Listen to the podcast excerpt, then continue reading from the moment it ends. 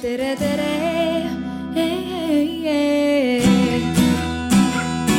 Eestimaa.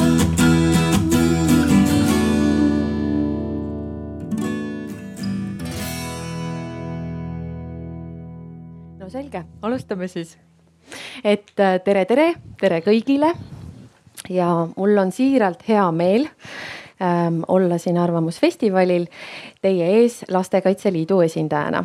et kõigepealt tahan öelda aitäh Võivikule, Arvamusfestivalile, et nad on andnud meile sõna äh,. olen kokku kutsunud täna siia ekspertspetsialisti grupi, sest mina astun kaks sammu eksperdi äh, nagu rollist eemale ähm, et arutada teemal isade roll, töö ja pereelu tasakaal ja võrdsed võimalused vanemaks olemisel.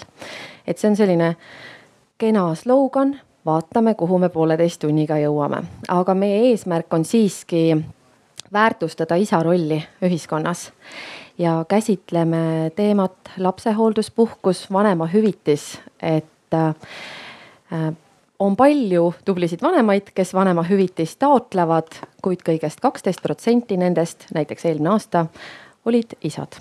et miks nii vähe? Ma panen endale ka väikese äh, spikri, sest mina olen teie ees esmakordselt sellises arutelujuhi rollis. aga veel kahe sõnaga, mina olen Ireen Kangro, mul on endal sotsiaaltöötaja taust, aga täna võtan siis pigem selle lapse rolli. et ma pooleteist tunni jooksul teilt seda miks viissada korda ei küsi. ehk olen natuke vahepeal siiski arenenud, aga siiski, meil on siin tublid isad erineva taustaga, tubli ema. Et kohe küsime, mis teie arvate, kas on võimalik teatud konsensus teiega siin leida? siis meie omavahel sinatame oleme juba varasemalt tuttavad ja arutelu kuulajatelt ma palun, et kui teil tekib küsimusi selle arutelu käigus, palun jätke need meelde, et me siiralt loodame, meil on aega anda teile pärast sõna, et te arutelu lõpus saate oma küsimusi küsida. ehk siis äh, jaa natuke tutvustan ka ruttu paneelis osalejaid kuigi läbi vastuste te saate nendega tuttavamaks, et minu kõrval istub Aimar Ventsel, tema on Tartu Ülikooli etnoloog. Aimar eh, annab ehk meile natuke värvi erinevatest kultuuridest, on veetnud palju aega Siberis, Kesk-Aasias. et kui keegi ikkagi tahab traditsioonilist peremudelit, hierarhilist, siis äh, ta selgitab, mis seal toimub. kas me peame minema nende juurde või ikkagi liigume edasi, sest tänane lähtepositsioon on meil siiski see, et äh, mida rohkem isad on kaasatud äh, lapse varajasse arenguetappi ja kasvatusse, seda parem see on kõigile Hillar äh, on äh, kuue lapse isa, suurperede või lasterikaste äh,, lasterikkad isad liidu asutajaliige. ning Hillar on siin äh, minu palvel ka sellepärast, et ta on hetkel lapsehoolduspuhkusel. nii et tema on praktik. Hillari kõrval istub Liina, tubli ema Liina on ka mitmekordne tädi ning Liina on äh, spetsialist, et äh, kui te räägite sõna võrdsus, võrdõiguslikkus, soorollid, vaadake, mis Liina silmad siis teevad. Liina kõrval istub Tanel Jeppinen, Tanel on vanemaid aidanud läbi oma koolituste, tal on kaks last tema otseselt ei ole ametlikult olnud lapsehoolduspuhkusel, küll ta on selline praktik, et eh, eks siis tuleb välja, kuidas ta oma tegudes eh, toetab positiivset vanemlust ja ta ka oma koolituste läbi püüab positiivset vanemlust edendada.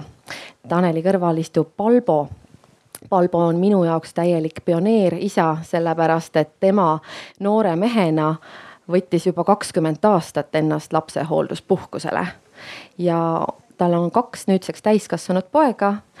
Äh, Palbo on oma lapsed suureks kasvatanud ja nüüd äh, on leidnud energiat veel, et äh, tegeleda klassi sidususe matkadega, võtab nimelt ette terve viienda klassi õpilased, läheb nendega metsa ja vaatab, mis seal laste süsteemis toimub. et aga hakkame aruteluga pihta. kui te soovite veel nende käest taustast rohkem teada saada, guugeldage, tänapäeval on internet. lugege nende raamatuid, käige nende matkadel ja konverentsidel.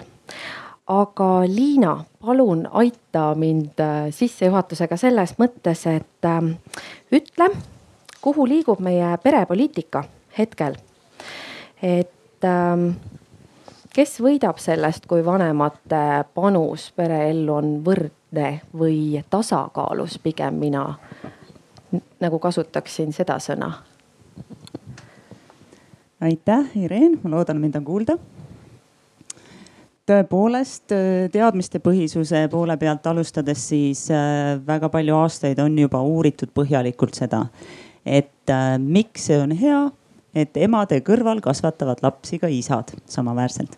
ja, ja kõige võib-olla alustaks, alustaks kõige olulisemast võib-olla tõesti sellest, et kui isad juba algusest peale laste kasvatuses aktiivselt osalevad, siis uuringud on näidanud, et selle võrra nende kiindumussuhe lastega kujuneb väga heaks, mis omakorda mõjutab nii isade tervist äh, kui riskikäitumist ainult positiivselt ja samamoodi ka laste tervist äh, ja laste käitumist mitte ainult äh, laste ja isade suhted ei parane, ka paarisuhted paranevad, sellepärast et äh, isad osaledes laste kasvatuses aktiivselt panustavad ka rohkem pere teistesse kohustustesse.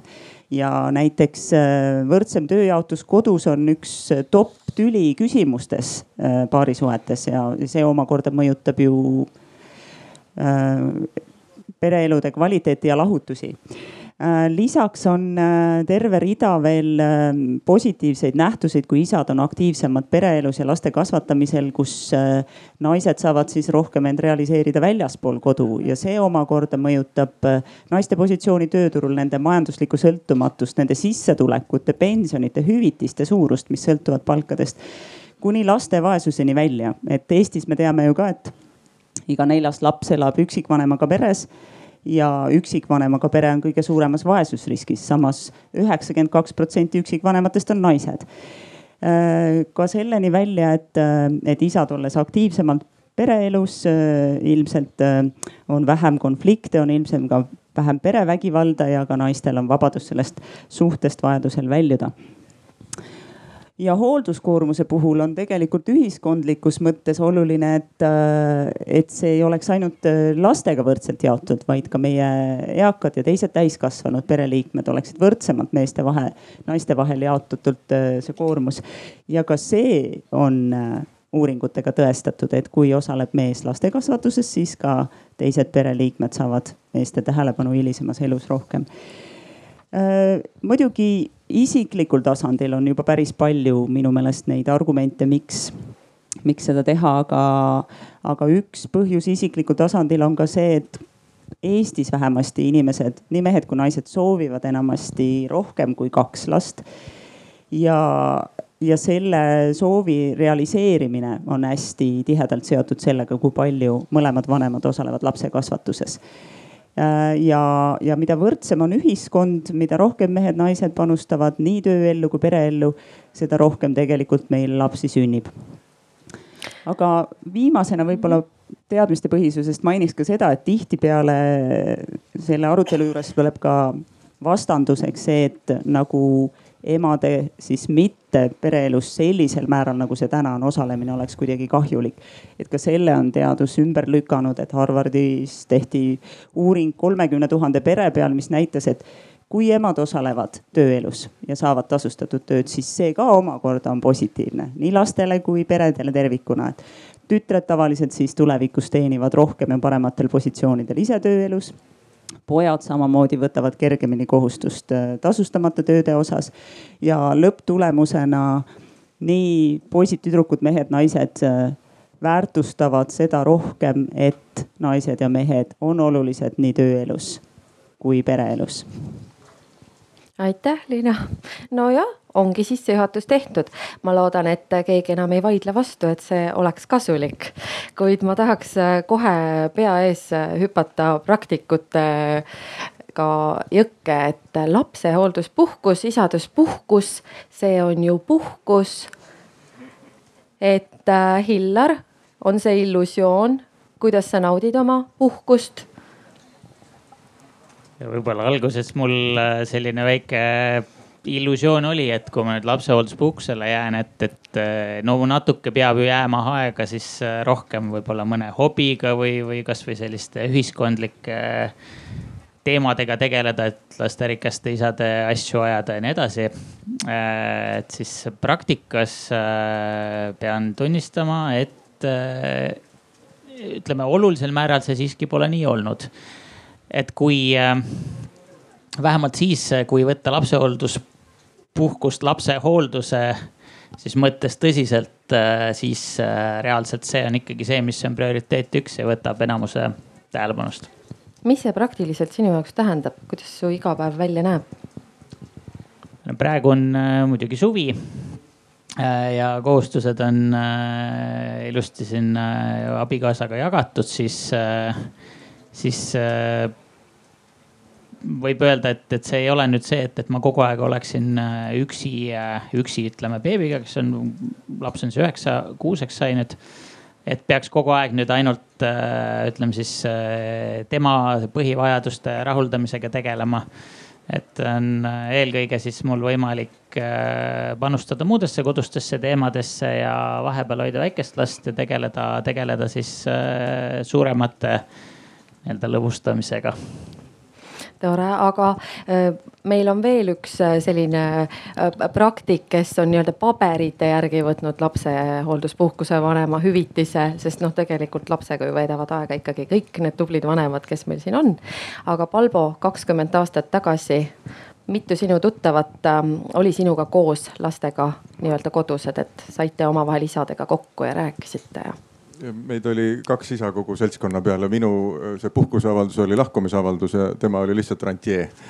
et, ähm, et oli küll, äh, vähemalt äh, nii palju meid oli, aga eks ta, mina ei näinud nagu muud võimalust lihtsalt äh, olla kodus. siis olid ju üheksakümnendad ja siis oli vaja äri teha ja olla üle Baltikumi kogu aeg lendlemas ringi ja, ja ja ma ei olekski saanud muud moodi nagu üleüldse, ma kartsin, et ma magan isegi selle sünnituse maha, kui ma ei tule töölt ära. või noh, olen kuskil koosolekul. ja siis ma otsustasin jah, et ma pigem siis pühendun sellele. nii et jah, ma selles mõttes tean küll, mis on see kodu perenaise stress ja see, kui naine tuleb töölt ja siis või tavaperes siis mees, et ja siis, ja siis äh, teine on olnud päev otsa kodus ja on äh, on äh, nagu natuke lapse stressis ja tahaks nagu rääkida äh, igasugustest päeva tegemistest ja siis see töölt tulnud inimene on väsinud ja ta praegu väga ei viitsi ja siis, siis sa lähed närvi ja nii edasi mm. -hmm. nii et selles mõttes äh, ei ole vahet, oled sa isa, ema, mees või naine et kui sa oled lapse. kodustress on ikka jah. kodustress on kõigil sama, väga tore, et kõik on võrdsed stressis. aga äh, Aimar äh, meil on nagu kuidas ma ütlen, äh, tervitame meie karuperesid ka, kes meil siin platsi peal istuvad, nagu te märkate, et äh, Lastekaitse Liidul on äh, kiusamisest vabaks projekt. meil on siin paljulapseline või lasterikas, mina ütleksin karupere, ähm, üksikvanematega karupere, on kärgpered Eestis on väga erinevad seisukohad, meie oleme siin seisukohal, et isade osalemine on positiivne, aga kuidas see mujal on, Siberis, Kesk-Aasias? sul oli tore näide ühest hierarhilisest laua ümber istuvast perest, kuidas nad seal istusid? tere ähm.. So, tähendab, kui mina ülikoolis õppisin siis äh, üks asi, mis äh,, tähendab pere definitsioon selline äh, etnoloogias oli see, et pere on sotsiaalne liit, mille eesmärk on üles kasvatada lapsed. ja äh, et äh, see ei tähenda seda, et noh, kõik, kõik need peres pereliikmed on bioloogilised äh, sugulased, et neid pere selliseid vorme erinevates kultuurides on äh, hästi palju ja see ja on, on ka sellised pered olemas, kus bioloogiline isa ei ole tegelikult see, ütleme see lapse nii-öelda hilisem sotsiaalne isa või äh, ja nii edasi ja nii edasi äh,. kui nüüd rääkida noh, ütleme minu oma kogemust erinevatest kultuuridest äh,. ma olen teinud välitöid, uurimist noh ütleme Gruusias, Kasahstanis, siis Venemaa Arktikas, mujal ka natukene mm ja igal pool maailmas on muidugi need peremudeleid äh, muutunud läbi aegade, et ei saa võrrelda seda, kuidas, kuidas kui me nüüd lähme ükskõik kuhu ja avastame traditsioonilise perekonna, et see on seesama, mis eksisteeris kakssada aastat tagasi. et tegelikult muutused on igal pool toimunud, aga jah ütleme, kui ma nüüd, kui me nüüd räägime kasvõi Kasahhi peredest, mis on siuksed sisuliselt väga konservatiivsed, väga traditsioonilised ähm, Äh, minna siis selle hierarhiate juurde, et äh, nagu mulle üks inimene seletas Kasahhi etiketti, et mees tuleb alati kõigepealt ja siis tulevad naised. ja seda on väga hästi näha Kasahhi ütleme sihuke pidulaua juures, et selle asja nimi on dastarhan. ja seal ongi niimoodi, et sihuke ta on tavaliselt siukse võimaluse korral ta on sihuke ringikujuline laua otsas äh, istub alati siis kõige lugupidavam liige selles seltskonnas, kelleks on väga, kelleks on kas aukülaline, teinekord olen ka mina olnud või siis aksakall ehk see perekonnapea. Ja siis mõlemalt poolt tema äh, küljest hakkavad minema siis jälle selle nii-öelda au, prestiiži järjekorras äh, ülejäänud inimesed, selle järjekorra nimi on törr ja siis äh, saad väga hästi teada nagu oma nii-öelda väärtust antud seltskonnas, kui lähedal sa istud siis sellele keskkohale. ja siis, kui on nagu mehed kuni väikeste poisteni kõik nagu ära tulnud, siis hakkavad naised tulema. ja naised istuvad ka niimoodi, kõigepealt istub siis ütleme selle aksakali naine ehk siis nagu perekonna matriarh ja sealt tulevad siis niimoodi riburada pidi kõik naissoost seltskonnas olevad inimesed, et seal on asjad nagu ilusti selles mõttes väga hästi paigas. aga mis mind huvitas olles inimestega sel teemal nagu rääkinud äh,. selle istumise nimi on törr. igaüks teab, kus ta koht on ja ma olen nagu mitu, noh üks tüüpiline situatsioon oli kunagi, et tuleb siis poole peo pealt sisse üks inimene, mille peale kuskilt teatud kohast inimesed tõusevad püsti, liiguvad üks samm siis nagu nii-öelda selle otsa poole. et osad jäävad istuma, osad siis teevad selle sisenenud inimesele koha Äh, vabastatav koha ja kui ma olen inimestelt küsinud, aga kust te teate, kus on see teie see koht üldse. ja tavaline vastus on see, et me lihtsalt teame seda, et seal, see on mingi selline asi, mida sa õpid, vot kõigi nende normide, traditsioonidega ma lõpetan kohe ära, on see, et need on, neid on väga raske artikuleerida äh, Nad tunduvad täiesti endastmõistetavalt ja kui sa tuled nagu ise võõrast kultuurist ja avastad, et aga seleta mulle see asi ära. üheksakümmend viis protsendil juhtus inimesed ei oska neid asju üldse seletada.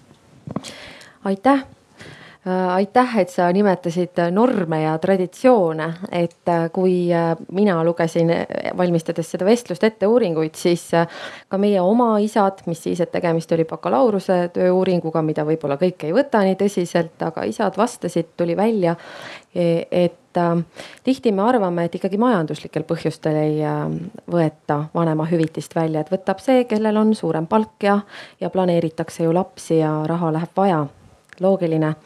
aga isad vastasid, et ähm, ei, tegelikult ei ole asi rahas ähm,. ma ei tunne ennast võib-olla nii mehelikuna, mul on äh, ühiskonna ees raske olla, kui ma olen lapsega kodus, sest see ei ole nii aktsepteeritud kui võib-olla naiste puhul. et äh, kuhu ma suundun, on see, et äh, tuli välja, et justkui isadus ei oleks mehelik ma teen hästi kiiresti nüüd teiega, armsad kuulajad, kiirkoroonatesti kohe vaatame, kas te olete positiivsed või negatiivsed. Äh, ma palun, mina väidan julmalt, sest ma ju ei ole täna ekspert. aga ma väidan siiski, et äh, ühe väite. kõik, kes on nõus publikust, palun tõuske püsti, kõik, kes ei ole nõus, jäävad istuma. nii. Ireen väidab, et isadus on mehelik. kes on nõus? saalis on äh, valdavalt naised minu meelest. jaa kes on nõus, et isadus on mehelik? kõik ei ole püsti, aga võite istuda, aitäh. ma siiski ütleksin, et äh, tubli kaheksakümmend protsenti äh, arvab, et isadus on mehelik, nii et aitäh teile, et olite positiivselt negatiivsed, et te pääsesite seekord sellest koroonast puhtalt. aga siiski äh, me võime ju niimoodi välja ütelda ja me võime ju niimoodi arvata. Kuid miks eelmine aasta siiski, ähm, kui ka oli võimalus võtta kümnepäevane isa, isa, isapuhkus, kasutas sajast protsendist mehest seda kuuskümmend ehk siis vaata, et pool ei võtnud isegi seda kümnepäevast puhkust välja. Ähm, ja kui me jälle tuleme eelmise aasta arvu juurde tagasi, mis on küll viimastel aastatel kasvanud, kuid siiski vanematest ainult kaksteist protsenti isadest jääb lapsega koju ja, ja ülejäänud siis kaheksakümmend kaheksa on emad, et äh, need ei ole ju võrdväärsed äh, arvud, nad ka võib-olla ei peaks olema võrdsed, aga kui Liina rääkis, kuivõrd kasulik see on, siis äh, kuidas me sinnapoole saaksime püüda, et et need oleksid võrdsed, et palun need mehed, kes meil siin on äh,, aidake mind sellega, et äh, millal saab mehest isa, ma küsin sellise rumala küsimuse või palba, millal saab mehest isa? et ja, ja, ja selle taustaks veel, et siis kuidas nagu see ähm, isaks olemine mehe maskuliinsust toetab või? on nad omavahel seotud, ei ole? millal saab mehest isa või? see on hea, et see esimene loll küsimus nüüd mulle just tuli. ja, ja palun. ma arvan, et see meeste elu on, on natuke teistsugune kui naiste oma, et kui naistel see emadus tuleb nagu selle aktiga ja sealt edasi läheb kõik kuidagi hästi äh, intuitiivselt, reflektoorselt ja nii edasi, siis meestel on võimalik äh, noh distantseerida ennast sellest või ollagi eemal.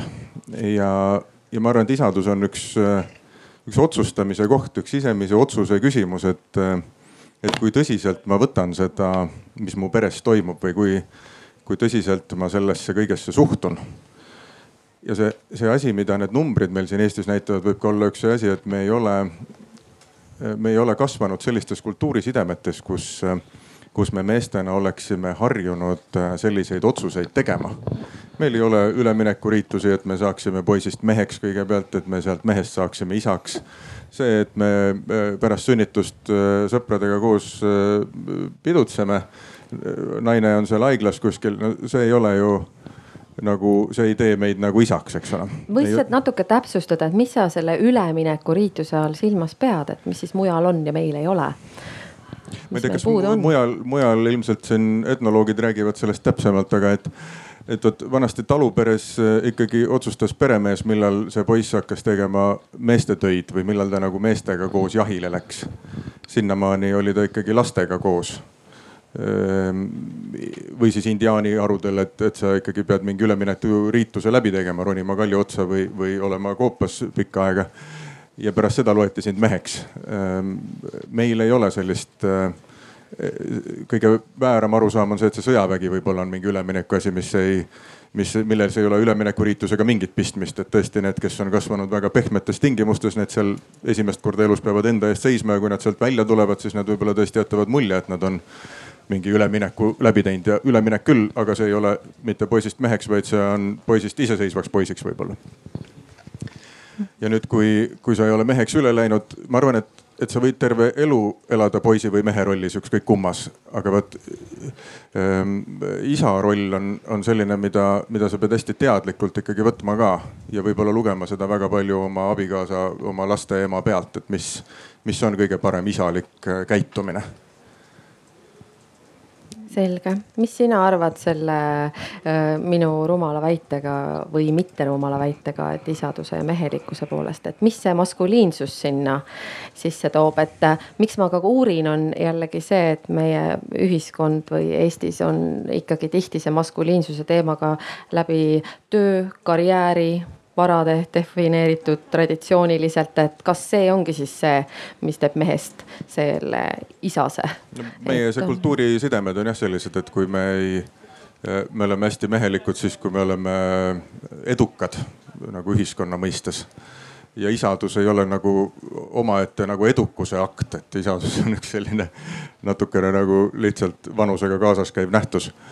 Ehm, ma arvan, et mehelikkus ja isadus on, on vägagi käsikäes käivad ja, ja äh, isaks olemine on äh, no seksikas on ta kindlasti. Nii nagu emaks olemine, et naine ikkagi muutubki väga seksikaks siis, kui ta on ema, siis kui ta oma põhipotentsiaali realiseerib ja meil meestena ka ikkagi ma arvan, et see, see üks potentsiaal, mis meil kaasa on sündinud, on olla isa aga ma annaks kohe sõna Hillarile edasi, et mis sina arvad sellest, millal ühest mehest, sest te kõik olete ju mehed, isa isa saab ja just see maskuliinsuse teema, sul oli vist lapsel üks tore termin ka, ma ei tea, kas sa julged seda siin välja ütelda? kõige vanem poeg on äh, neljateistaastane ja mäletagi, mis jutuga seoses äh, sai hiljuti temalt küsitud, et äh, no mis sa, Erik, arvad, et kas sa tahad ka kunagi lapsi saada või milline võiks see pereelu tulevikus olla ja siis ta ütles, et mm, ega ma ei ole eriti selle peale mõelnud, aga no üsna selge on, et, et kui mul lapsi ei oleks, oleksin ma ikkagi bioloogiliselt läbi kukkunud. et selle sihukese baas nagu baas evolutsiooni baas nii-öelda arusaamad on tal nagu ilmselt selged.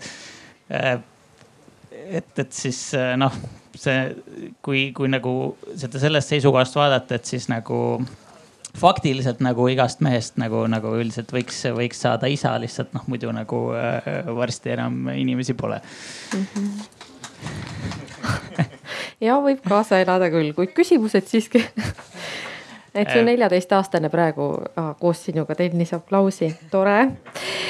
aga Äh, on sul muidu, soovisid veel midagi lisada? Äh, ja no kuna sa küsisid uh -huh. selle, et, et millal siis tegelikult isaks saab, et noh, ongi, et üks on see faktiline, aga, aga me siin sõpradega, kellel on ka üsna palju lapsi, oleme enam-vähem sellisel konsensuslikul seisukohal, et umbes ikkagi kolm last läks aega, enne kui selline äh, tõsiselt nagu kohale jõudis, et mida see sihuke vastutustundliku isa roll äh, nagu tähendab, et. et see on kindlasti nagu individuaalne, aga ütleme nii, et, et see, millal saab, on ikkagi siis, kui nagu noh, saad aru, et, et pärast lapse sündi ei, ei peagi minema ikkagi sõpradega seda õlut võtma ja tähistama, vaid äh, tuleb olla nagu perega koos ja noh, see on sihuke väike lihtne näide, et, et, et kuidas see prioriteedid nagu paika jooksevad mm. -hmm. ja kuidas isadus mõjub äh, mehelikkusele, siis äh, jah, tõsi ongi ju peamegi vaatama, et mida, mida me siis mõõdame või kuidas nagu ühiskond mehelikkust hindab, et, et tavaliselt mõõdetakse majanduskasvu ja brutopalka ja, ja muud sellist, on ju. et, et, et noh, kui me hakkame nagu vaatama ka selliseid äh, muid näitajaid, siis ilmselt seda mehelikumaks see, see isadus muutub. aga kuhu me oma pilgu siis praegu suunama peame? mis näitajaid? ja kes peaks seda vaatama? tegelikult on see hea küsimus ka ütleme sellise riikliku perepoliitika nagu seisukohalt või, või, või mis andmeid näiteks Statistikaamet kvartaalselt äh, avaldab või, või mille järgi noh, riigikogu liikmed palka saavad näiteks. Aga noh, ütleme siis äh, sellise rahvastiku äh, püsimajäämise seisukohalt tuleks vaadata eelkõige siis äh, laste arvu naise kohta. see on kindlasti see nagu näitaja, millest, millest sõltub see, kas, kas riigi rahvastik nii-öelda loomulikus mõttes nagu kasvab või kahaneb mm. -hmm. Liina tahtis kõigepealt sõna ja siis Tanelile mm. -hmm. ja andestus, Tanel, sa pole veel sõna saanud. ma loodan, ma väga pikalt ei räägi, ma lihtsalt äh, eelnevate sõnavõttude peale tahtsin jõuda natuke kaugemasse minevikku ka rääkida, ühtlasi ka Eesti ajaloost, perede ajaloost hästi põgusalt. et äh, tõesti see küsimus, et milline on siis see isadus, millest me räägime. et äh, nagu Siberis ja mujal piirkondades, ma saan aru, on kogu aeg muutunud nii pered kui, kui ka see isadus ilmselt, et siis Eestis ennem sõjaaegsel ajal oli äh, Eesti elude süsteem selline, et äh,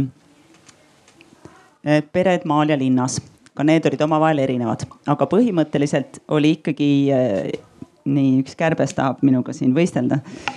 Oli nii, et äh, isad olid peres äh, rollis, kus nad olid peamised äh, majandusliku heaolu tagajad ja selle tõttu sihuke leivaisa roll andis neile õiguse ka olla ühtlasi distsiplineerija ja autoriteet ja ülejäänud pereliikmed siis olid nii-öelda tema hea tahtlikkusest väga palju sõltuvad. ehk naised ja lapsed äh, eriti väga leivaisa vastu ei saanud astuda.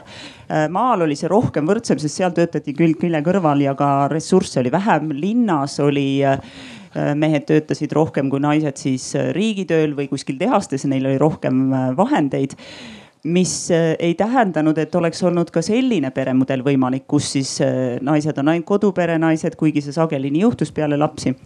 aga et põhimõte oli see, et äh, mees sai määrata päris palju ja kuni selleni välja, et äh, lapsed ei olnud äh, suurem asi väärtus, neid oli vaja peamiselt töö tegemiseks, aga laste õigustest me väga siis ei saa rääkida, et on see see olukord, kui ennem sõid vanemad, lapsed seisid laua ääres püsti ja siis alles said nemad sööma, on oluliselt muutunud selle, kuidas me täna lastesse suhtume.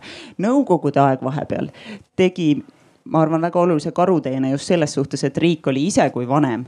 et eesmärk oli saada nii naised kui mehed kõik tööle, kõik on sootud, kõik teevad nagu masinad tööd ja võimalikult palju siis riik annab ära seda kohustust, mis muidu vanemlusena oleks olnud, et, et see ka ei tähendanud, et naised oleksid näiteks söögi tegemises täitsa vabad, kuigi oli väga palju sööklaid ja seda põhimõtet, köögid olid kõik hästi väiksed, kodus tööd ei tee, aga siis olid kõik ühtlaselt vaesed ja naised kulutasid lihtsalt aega palju seismaks poe järjekorras aga, aga lapsed kui sellised ja isad ka sõjaeelsel ajal ei osalenud aktiivselt lapse kasvatuses, ka Nõukogude Liidu ajal seda ei juhtunud.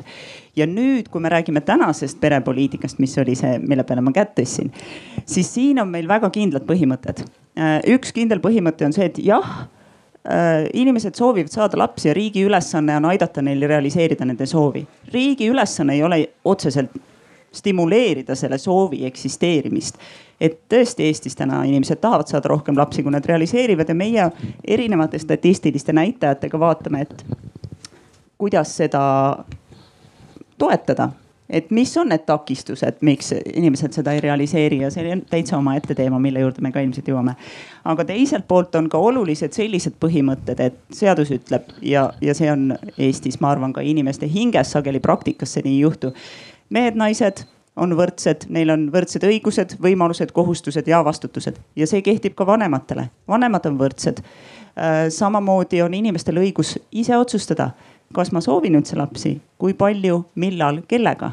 ka see on miski, mida tegelikult nagu minu meelest ei peaks seostama sellega, et kas ma inimesena olen läbi kukkunud või mitte, kui ma otsustan lapsi mitte saada ja see on riiklik poliitika, see on see suund, millest me räägime, et inimene on täisväärtuslik ka siis, kui tal ei ole lapsi mis tahes põhjusel. pluss see, et ähm, tegelikult see isaks kasvamine minu meelest on äh, üle forsseeritud selliselt, et äh, ja see ei ole minu mõte, et ma kirjutasin isegi üles, Elizabeth Padiner, üks filosoof on rääkinud sellest, et äh, see on nagu mingi saavutus, mehelikkus on saavutus, et äh, sa ei saa olla ilma selle saavutuse kättesaamiseta mehelik, muidugi saab. mehed ongi juba olemuselt mehelikud, miks nad peavad püüdma midagi kättesaamatut, mis iseenesest isegi ei ole nagu kuidagi väga selge, mis see täpselt on. et äh, minu jaoks on seal ka nagu oluline mõtestada seda, et, et mida me mehelikuks peame ja kas see on miski, mida peab siis nii-öelda teenima ära mm. -hmm. et Tanel, sul, kas sa soovisid äh, eelmiste sõnavõttude kohta öelda, et muidu mul on sul ka küsimused, aga annan sulle enne sõna. sellesama originaalküsimuse kohta, et millal mm -hmm. mehest saab äh, isa, siis ma nagu tahaks tegelikult paljude eelkõnelejatega nõustuda, et kui Liina rääkis, et, äh, et see isaks saamine ongi mingil määral nagu protsess et see ei ole see, et nüüd sa ühest hetkest nüüd ma olen isa ja siis ma enam ei saa rohkem isa olla või vähem isa olla et minu jaoks äh, isaks olemine või isaks kasvamine algabki sellest vastutusest või vastutuse võtmisest. sellest, et ma olen eeskuju, et vähemalt üks silmapaar vaatab mulle alt ülesse ja peab mind aksiooks või jumalaks või kelleks iganes. ja et minu tegudel, minu suhtumistel, minu käitumistel, minu väljaütlemistel on mingi mõju, et ma, mul on mingi vastutus. ja selle koha pealt ma ise ütleks, mina ise mina tegin selle esimese sammu sinna isaduse suunas juba siis, kui ma sain uudise, et mul naisel siis väike päts on kõhus ja kui ma USA-st tagasi tulen, siis ma töötasin USA-s pikka aega. ja et siis juba hakkas enda mentaliteet ja ellusuhtumine oluliselt muutuma. kui ma kõik kahekümnendad nii-öelda ajasin seda Ameerika unistust taga, sest edukus oli mõõdetav ainult, äh, kas, äh, kui suur auto sul on või kui suur maja sul on või kui palju sul neid numbreid seal pangaarvel on. et siis need väärtused hakkasid muutuma ja, ja selle koha pealt ongi minu jaoks on see isadus ongi protsess, et me kogu aeg kasvame, et ma olen hoopis teistsugune isa kui ma olin kaks aastat tagasi ja ma näen, et järgmine aasta ma olen samamoodi natukene võib-olla küpsem, laiema silmaringiga ja nii edasi. Aga kui me räägime sellest maskuliinsusest, siis seda ma olen ise väga tõsiselt kogenud ja väga paljude isadega, kellega ma olen rääkinud, kellele isa roll on oluline, siis on väga tõsine selline seesmine konflikt. olgu ta siis kas ühiskonna poolt kuidagi tuldud või siis ma ei tea, isade kaudu edasi antud selline väga tõsine või suur eneseteostusvajadus ja millegipärast seda eneseteostust on väga raske olnud siduda just selle pere peaks olemise või isa eeskujuks olemisega oma lastele.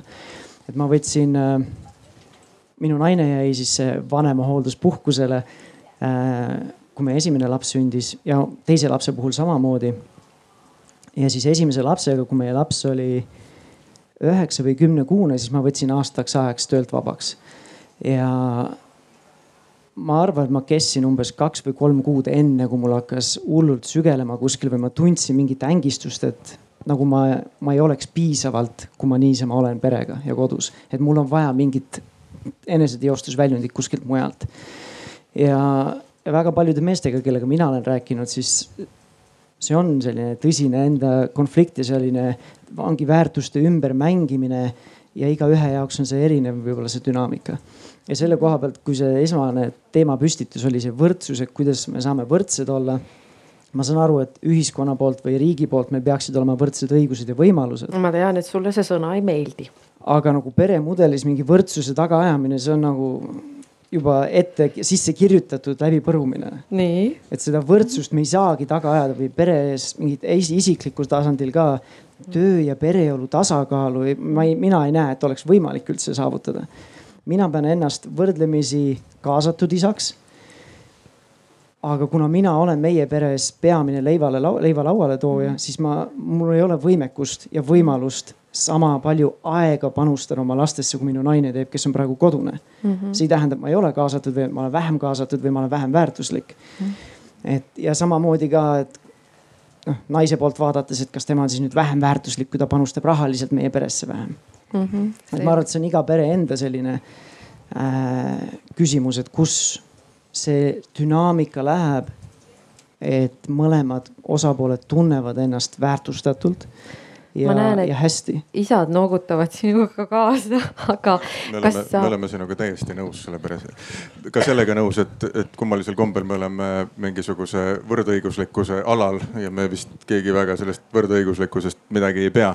annaks jumal, et targad, kuna naised on nagunii meestest targemad, et siis nad meiega kunagi võrdseks ei saa, et, et ähm, selle võrdsusest küll nii palju, et vot enda jutus ka, et kui sa eskaleerid selle piisavalt kõrgele, siis sa jõuad sinnani, et asi ei ole mitte nagu selles äh, võrdsuses äh, nagu hästi sellises primitiivsel tasandil, vaid just seal, et see panustamise võrdsus, et kui, et mõlemad peaksid võrdselt panustama kas nüüd võrdselt, aga vähem ja, ja see võrdne on seal nüüd nagu hästi abstraktne, et, et kas see, kas see võrdsus on nüüd, et mis on millega tasakaalus, et kas pesu pesemine ja auto laku vahetamine on nagu tasakaalus või et, et kas, kas tööl, töölt raha koju toomine on tasakaalus sellega, et ma su lapsi nii, just nimelt su lapsi nii kaua hoian, eks ju et aga, aga see panustamine, et kui see panustamine on fookuses, siis see juba ongi võrdne nii lihtne äkki ongi. aga ma ju panustangi sellega, et ma lähen tööle ja teenin raha ja sina oled kodus ja.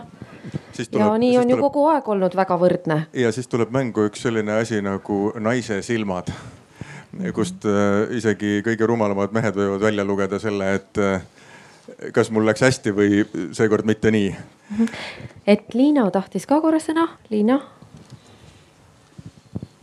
ja ma võib-olla selguse huvides, et kuna me siin ei ole läbi rääkinud omavahel selles seltskonnas, et mida keegi võrdsusel silmas peab. et äh, tõesti see, mida me ei taotle, on see, et äh, me paneme kõik kohustused rivvi ja ütleme, et kõik peavad kõiki asju tegema täpselt poole võrra. mida me taotleme, on see, et äh, kõigepealt perekondades ja siis ühiskondlikul tasandil me vaatame, et milliseid töid on vaja ära teha on vaja raha tuua, on ju, perre, on vaja äh, tasustamata kodutöid teha, on vaja laste eest hoolitseda. kõik need funktsioonid, mida siis nõukogude ajal näiteks täitis riik väga palju mingeid asju ja varem tehti seda kuidagi teistmoodi ka näiteks enne Eesti ajal ju hästi palju kogukond hoolitses laste eest, oli see poolpime vanaema või kes tahes teised lapsed. me ei tähtsustanud seda lapse eest hoolitsemist ka nii kõrgekvaliteetselt kui täna. ehk äh, kui need kohustused ritta panna ja seal teha see jaotus ära, mida keegi teeb, et kõik saaks tehtud ja siis võtta arvesse seda, et see ei oleks nagu ühele koormavam kui teisele. see on nagu see põhimõte, pluss see, et keegi ei peaks valima ainult töö või ainult pere tõsi, mingi periood, kui lapsed on väga väiksed, see on nagu vältimatu, et keegi on ainult lastega. aga me räägime, et nii naiste kui meeste eluiga on pikk. Lastega osa on seal ikkagi suhteliselt piiratud aeg. et selles mõttes, kui ma nüüd teen perena teadliku valiku, et äh, meie teeme neid asju, sina teed neid asju ja saame kuidagi kõik tehtud ja siis vaatame, et kõigil oleks hästi. siis see on see võrdsus, mida me taotleme. halleluuja äh,. Aimar, soovisid midagi? jah, ma tahtsin öelda nagu paar asja oma mätta otsast, et äh, tähendab, isadus ja maskuliinsus käivad raudselt kokku.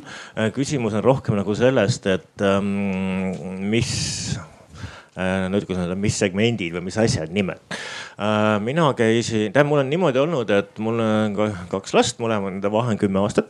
kui mõlemad käisid ühes samas lasteaias, kui käis vanem poiss lasteaias, siis laste vanemate koosolekul oli peale minu teinekord veel ainult üks iga, isa, kõik muud olid emad.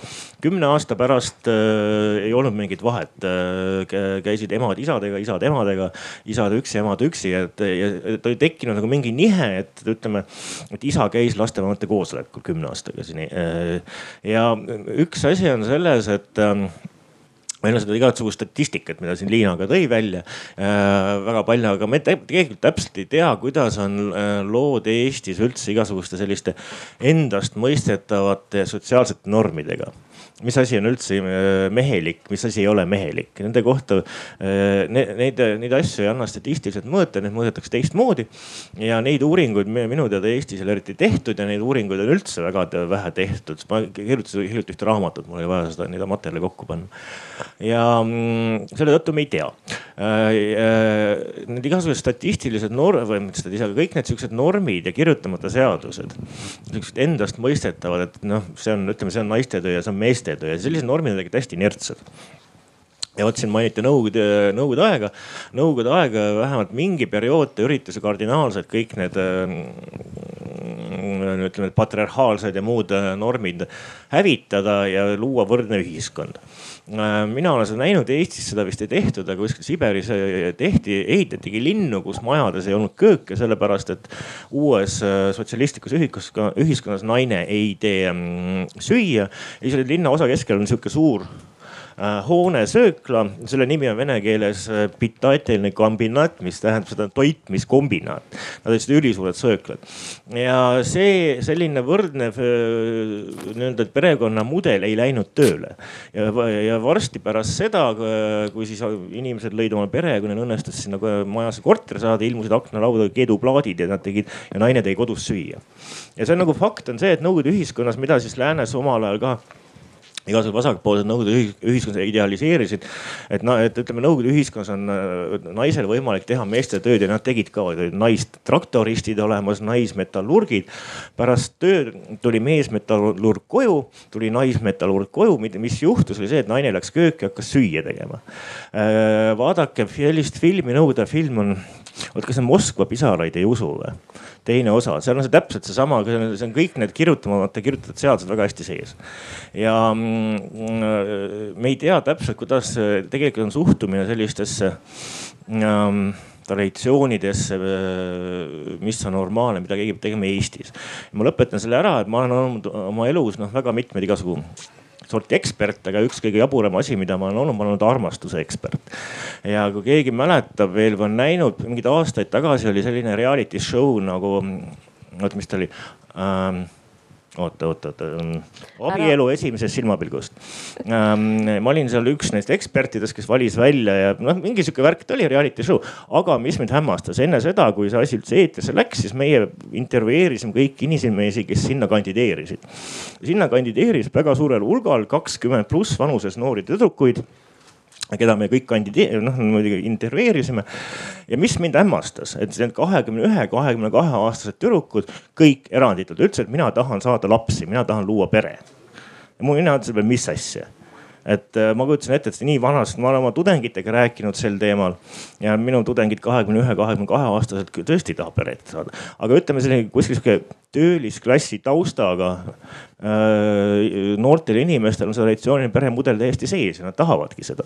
ja me ei tea üldse, kuidas noh, millised grupid mida arvavad, noh ütleme needsamadest võrdsusest, äh, kooselust ja üldse nagu, mis on normaalne perekond ja kõik sinna juurde ma lihtsalt äh, taustaks ütlen veel, et äh, ja kui vaatame ka, et millistel äh, naistel on lapsed, kes soovivad lapsi, et siis statistika näitab ka, et tegelikult varasemalt oli suurem hulk naisi, kellel võib-olla ei olnud kõrgharidust, et laste osakaal oli seal suurem, aga see on ka võrdsustumas nüüd, et enam ei ole ka nii-öelda emadel sellist hariduslikku erinevust, et Tanel ja Hillar siis. et selle soorollide kohta, et ma olen viimase paari aasta jooksul käinud umbes neljakümnes, viiekümnes lasteaias ja algkoolis oma selle vanem, vanemlusteemalise loenguga.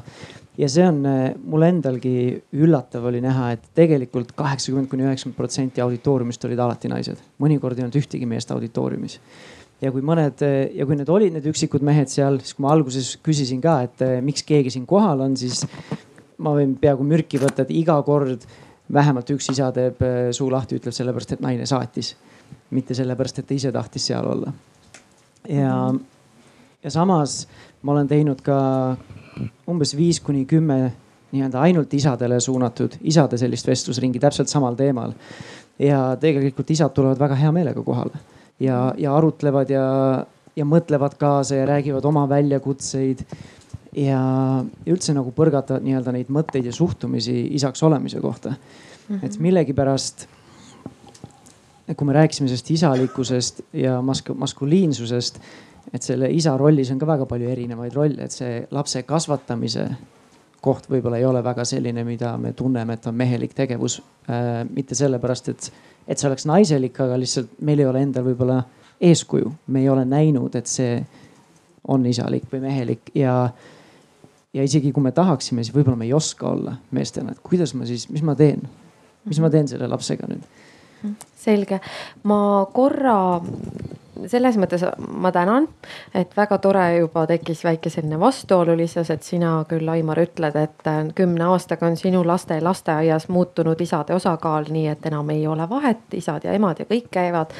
samas ütleb Tanel, et käin läbi lasteaedu ja koole ja vaatan otsa naistele või siis nendele isadele, kes, keda naine on saatnud, et tuleme jälle jutuga tagasi siia, et miks me arutame, et kuidas kaasata siis ikkagi neid mehi rohkem, et nad ka reaalselt võtaksid selle aja maha oma last äh, kasvatada ka varajasest eluetapist, aga Hillar äh,, ei jah, Hillar, sa soovisid sõna vahepeal, et äh, ja tegelikult oli ka paar asja selle teema kohta kommenteerida mm, -hmm. aga võib-olla nii lühidalt kui võimalik, et äh, just tuli, tuli meelde nagu statistikast, et, äh, et just meeste hulgas on äh, kõrgharidusega meestel rohkem lapsi kui, äh, kui siis alla kõrghariduse.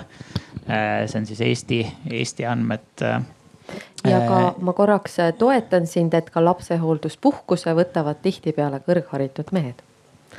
jah, et. kui vaadata, kes siis on. ja sellega seoses nagu tahtsingi öelda, et tegelikult nagu see et, et meil on nagu, kui minna põlvkond või kaks tagasi, siis ongi väga raske seda nagu eeskuju leida sellele, et, et missugune see selline isa roll peaks olema või, või just, et äh, kas on nagu hea või normaalne, kui on, äh, pere on suur ja palju lapsi ja, ja, ja isa, mees tegeleb ka lastega ja, ja perega või või, või noh, et, et kas see nagu need küsimused on ju, et, et mida ma väga palju olen ka näinud, võib-olla isegi oma isa pealt, et mis hull oled või et nagu neljas laps umbes siis noh, praegu on kuus on ju, et nüüd ta enam ei küsi, aga.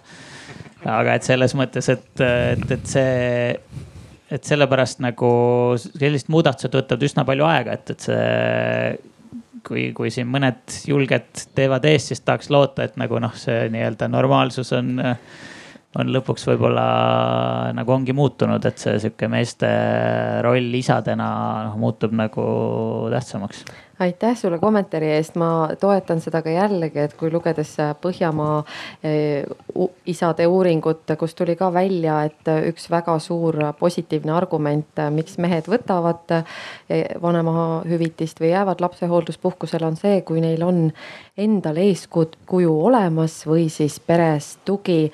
ma korra küsin, Tanel, ikkagi sinu käest ja siis Valbo soovis ka sõna või teised, et sinul ei olnud seda eeskuju. ometigi oled sa praegu siin koolitanud ligi kuus tuhat lapsevanemat, et mis klikk siis käis? ja ma arvan, et see on seesama, see vastutuse võtmine, et äh, see, et minul ei olnud sellist eeskuju enda lapsepõlves, see ei tähenda, et mina ei saa olla see eeskuju -hmm. enda lastele mm. -hmm. ja kui mul ei ole neid oskusi või seda, ma ei oska seda ise teha, siis noh, tänapäeval on võimalust ennast täiendada, ennast arendada mustmiljon et ma korra lihtsalt täpsustangi, äh, kui me varasemalt vestlesime, sa ütlesid, et sa otsustasid, et sina soovid teadlikult nagu luua noh, oma suhet oma lapsega, et, et see teadlikkus, et kust see, kust see siis tuleb, et kui sul enda isa näol seda eeskuju ei ole? eks selles viimase viie kuni kümne aasta jooksul on see enesearengu teekond olnud päris selline nagu sügav ja juba see, kui mu naine teatas selle uudise, et meil on siis perelisa tulemas, siis see andis jälle sellise järgmise põnke, et, et kui ma vaatan enda lapsepõlvele, siis äh, ma ei taha enda lastele, mul ei olnud lapsepõlvel mitte midagi viga, kõik mu põhivajadused olid täidetud nii-öelda väljast vaadates tegelikult on kõik ju tipp-topp, pöidlad püsti ja lähme edasi. aga siis ma ise tundsin, et mul ei olnud sellist emotsionaalset lähedast kontakti oma vanematega, eriti oma isaga. ja, ja see oli midagi, mida ma tahtsin siis enda lastele pakkuda ja läbi selle natukene siis ka iseendale. et kuigi ma lapsepõlves ei kogenud seda, siis ma saan seda nüüd kogeda teises rollis, aga ikkagi sedasama dünaamikat mm. -hmm. et ähm, väga tore, ma korra katkestan sind, ma lihtsalt äh, hüppan ajast edasi ja ütlen, et äh, mul on rõõm, et järjest rohkem neid isasid on, kes selle teadliku valiku teevad. kuid siiski kohtudes Palboga sa käisid sellise väite välja, et lapsed ei ole meestega harjunud. Lähed lastega metsa ja. ja, ja, ja ma käin viiendate, kuuendate, seitsmendate klassidega metsas ja, ja ma ei, mitte ei käi metsas nagu metsas, vaid äh, nemad elavad äh, RMK majas äh, kolm ööpäeva ja me matkajuhtidena elame kõrvaltelgis ja me kogu aeg monitoorime neid äh, klassi sihukest suhtedünaamikaid. võib ma korra küsin vahele, et miks viies klass? Sellepärast, et äh, siis lõpeb see kooli lapsepõlv nagu ära, et need esimesed kolm klassi on sellised, kus klassijuhataja on nagu kasvataja eest ja kui ta on veel ülitubli noh, siis minu mõistes jutumärkides tubli, et ta on ära reguleerinud kõik need suhted, et poisid peavad olema viisakad ja tüdrukud peavad olema sellised ja kuidagi kõik on nagu ära reguleeritud. siis neljandas klassis nad lastakse koolimaja peale laiali. siis nad hakkavad omavahel suhtlema ja nad ei tule toime sellega, sest neil on nagu esimesed kolm aastat on see kõik väga ära reguleeritud ja siis viiendas klassis, kui ka tekivad need äh, esimesed nagu teadlikud tunnete jälgimised ja, ja võib-olla ka äh, teistsugune seksuaalsus ja nii edasi, kogu see inimese areng selles etapis on, on ka murranguline, siis seal viiendas klassis need lähevad räigelt tülli see avaldub kuuendas klassis, kuuendad on kõige hullemad ja siis seitsmendas klassis nad hakkavad maha rahunema. ja kaheksandas klassis siis ütlevad juba kogu kooli personal ütleb, et ja kaheksandas ei mäleta enam keegi, et nad üldse tülis olid. tegelikult on nad võib-olla õppinud ennast lihtsalt kaitsma nagu nende probleemide, suhtlemise probleemide eest. nii et viies klass on kõige parem, kus nad veel ei ole lootusetult tülli läinud ja suhtlemine on üks asi, mis meil meie päevil ongi võib-olla kõige olulisem asi üleüldse elus ja ja seda äh, tänane kool väga ei toeta. Äh, seal ei ole väga palju selliseid äh, suhtlemise mhm. õpetusi. aga. ja tagasi nüüd mm -hmm. sinna, et, et lapsed ei ole meestega harjunud, on see, et et kui, kui sa paned lapsed ilma kooli taustsüsteemita metsakeskkonda, talumajja, siis, siis esiteks me matkajuhtidena oleme mehed, keda nad ei ole harjunud nagu Nad ei ole harjunud, et õpetajaks võib olla mees, sest et koolis on ju valdavalt naised. Eesti keskmine pedagoog on viiekümne kahe aastane naine, eks. ja ja teine asi on ka see, et, et on aru saada, et nad ei ole harjunud äh, meestega koos tegutsema ega ka selliseid ähm, mehelikumaid tegevusi äh, tegema või ka noh, linnaühiskond ei anna ka sellist selget rollijaotust, et kes siis puid toob ja kes siis puid lõhub. lõpuks nad lõhuvad kõik muidugi, see on okei okay,, aga, aga nad ei ole harjunud äh, sellise sellise keskkonnaga, kus olekski vaja nagu sellist mehelikku eeskuju, sellest on puudus selge, kõlab loogiliselt. et Liina, on sul midagi lisada ähm,? ja Aimar siis. ja ähm, ma siin äh, ei teagi täpselt nagu. kust alustada? mida öelda ja mida mitte kommenteerida, aga ma olen nõus äh, näiteks Taneliga selles osas, et tõesti eeskuju puudub ja, ja siis ongi küsimus, et milline eeskuju, et äh, et kui enamasti ongi isadust nähtud läbi selle, et sa oled selline jõuline määraja ja, ja, ja raha kojutooja, et siis kas see on see, mida me täna tahame enam eeskujuna, et täna me räägime ju hoolivast isadusest, aktiivsest lapsega koosolijast, kasvõi seesama nimetatud suhtlemisoskus, ka see on hoopis teised väärtused, ei ole ainult puude toomist on suhteliselt vähe vaja, kuigi seda on ka vaja ja tõsi, mul on hea meel, et sa jõudsid sinna, et seda lõpuks peavad oskama ja suutma kõik teha. aga aga põhimõtteliselt jah, mis ma tahtsin öelda ikkagi riikliku poliitika poolt jällegi, et äh, üks asi, miks siis äh, äh, mehed ütleme nii teadmistepõhiselt, teie kogemustele ma muidugi vastu ei äh, suuda panna. Need on ilmselt adekvaatsemad ja tõesemad, aga uuringud ikkagi näitavad seda, et üks asi on see teadlikkus tõesti, mul ei ole eeskuju, ma ei tea nagu, milline olla isana millised on mu võimalused, riiklikud poliitikad, kuidas nad soodustavad, et siinkohal ma toongi ära nagu positiivse asja tõesti. esimesest juulist sellel aastal hakkas Äh, kehtima siis see, et äh, senise kümne kalendripäeva asemel kolmkümmend päeva isadele on eksklusiivne osa nii-öelda vanemahüvitise perioodist, mida tegelikult võib kasutada kuni lapse kolmeaastaseks saamiseni teen reklaami kõikidele isadele, äh, kes on äh, selles perioodis oma elus, et seda võimalust kasutada, seda makstakse heldelt ja nagu saate vanemahüvitist ja te saate selle kogemuse kätte, mis ilmselgelt äh, näitab, et julgustab pigem mehi rohkem võtma. aga ma siiski toon veel seda soorolle enda poolt ka sisse, et, et kui ühelt poolt ma saan mehi informeerida nende võimalustest. teiselt poolt me ei saa kõrvale jätta neid soorolle, mis eksisteerivad. no seesama asi, seesama suhtumine, et nagu kodus oleks isad asendatavad jah, me tahame neid kooli, kuigi direktorid millegipärast kipuvad jälle mehed olema, et kui nad koolis on, siis direktorid. aga nagu kodus ka oleks nad kuidagi asendatavad, koju me neid siis ei taha. see väärtus näiteks peab muutuma ja samamoodi need tööpereelu ühitamise raskused, need on nii naistel kui meestel, ongi raske, kõige raskem ongi elus sel perioodil, kui sul on väikesed lapsed ja sa peaksid samas olema karjääri tipus. ja see on koht, kus peab tulema ülejäänud ühiskond ja, ja riik appi, et see oleks võimalikult sujuv ja paindlik, et saaks nii naised kui mehed teha seda samaaegselt aga Liina, ma kohe küsingi, et aita järje peale meid, et ühiskonnana, mida me siis saaksime teha, et mitte siis noh isana, emana ainult, vaid ühiskonnana, mida mina saan teha, kes ma ei ole pereinimene. et äh, see oleks teistele võimalikult äh, sujuvam ja üleminekuv. ma arvan, et kõigepealt me peaksime nendest piiravatest soostereotüüpidest loobuma. see on number üks sellepärast, et see piirab meie kõigi võimalusi, nii poiste, tüdrukute, naiste kui meeste. päriselt, sa sünnid naisena või mehena ja sulle öeldakse, et sa saad valida ainult need pooled asjad kõikidest võimalikest asjadest, mida sa elu jooksul võiks teha. esiteks see teiseks see mehelikkuse küsimus äh, meil tegelikult on uuritud seda päris palju ja mitte ainult Eestis, vaid mujal ka on olemas selline nähtus nagu mürgiline mehelikkus. ja, ja see tulenebki sellest, et kui me mehelikkust nagu dessi-, mm, ma kasutan, defineerime sellised desinfitseerimisvahendid, no praegu muidugi väga populaarsed. et defineerime selliselt, et see peab olema ainult nagu jõuline, edasitungiv, määrav ja otsustav. ja tööelus tõesti kui tahame nagu tänases ühiskonnas ja ka varasemalt jõuda võimalikult kaugele, kõrgele, siis need on need väärtused. ja nüüd järsku me tahame meestelt, et nad kannaksid ka pehmeid väärtusi, et nad oleksid kannatlikud, et nad oleks lastega hellad ja naistega hoolivad.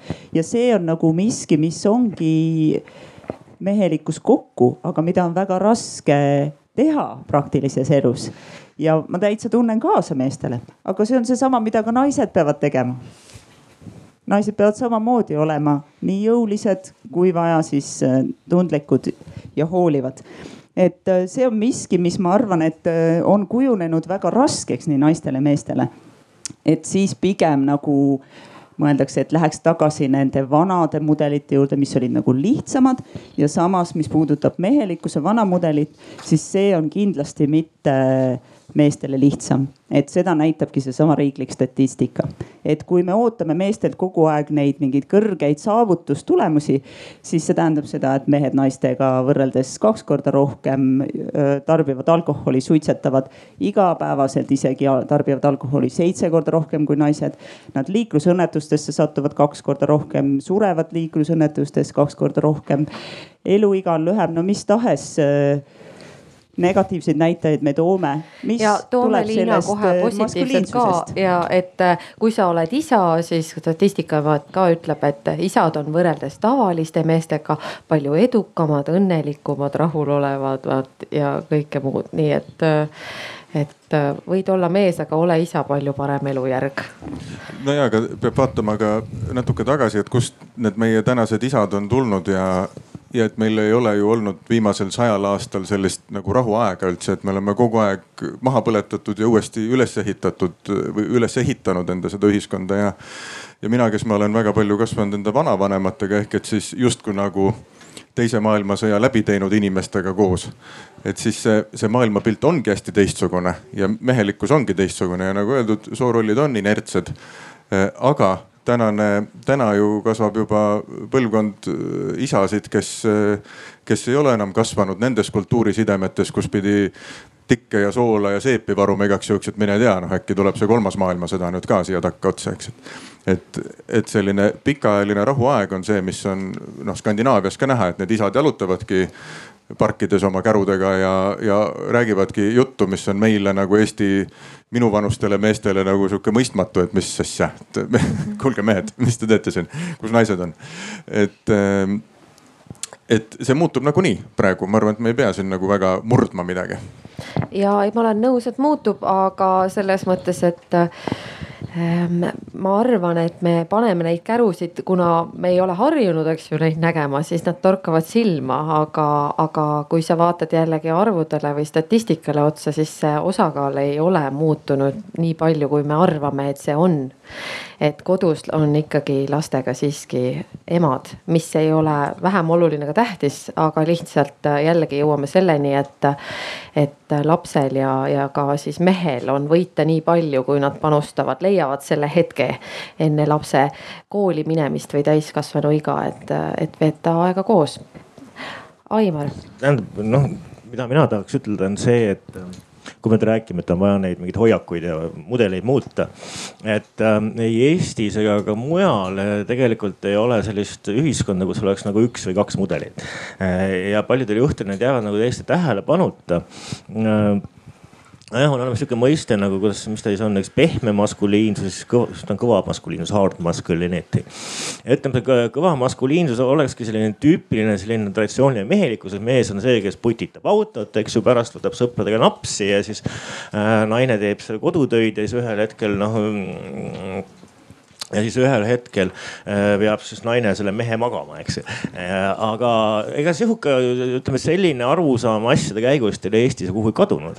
Äh, minge suvalisse maa-asulasse, kus praktiliselt kõik mehed on kas ehitajad, talumehed, töötavad talunike juures või harvesteri mehed. ma olen ise seda näinud, see käib täpselt niimoodi, et nädalavaheil kõigepealt putitakse autot, siis minnakse poe juurde, seal juuakse õlts ja mingil hetkel viivad naised siis need mehed koju magama ja mati peale, eks.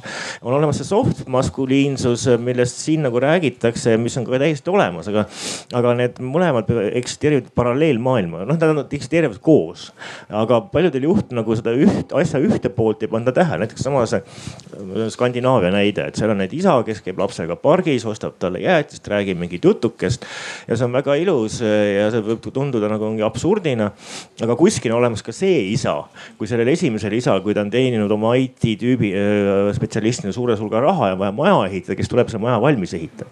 ja vot neid siukseid tüüpe, kes ühel hetkel no,, kes on automehaanikud, ehitajad, harvestermehed, ütleme see pool, see, seesama see, see kõva maskuliinsus, et neid kuidagi, neid, neid ei nähta üldse, et see on sihuke, sihuke nagu nähtamatu seltskond siin.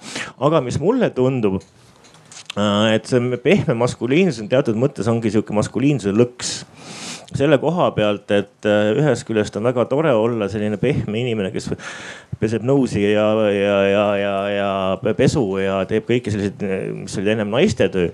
aga see surve teistpidi olla seesama, see, kes leiva koju toob, ei ole kuhugi kadunud seesama, öeldakse, on väljakutsete vastuvõtmine, eneseteostus, mis ilusad sõnad need on.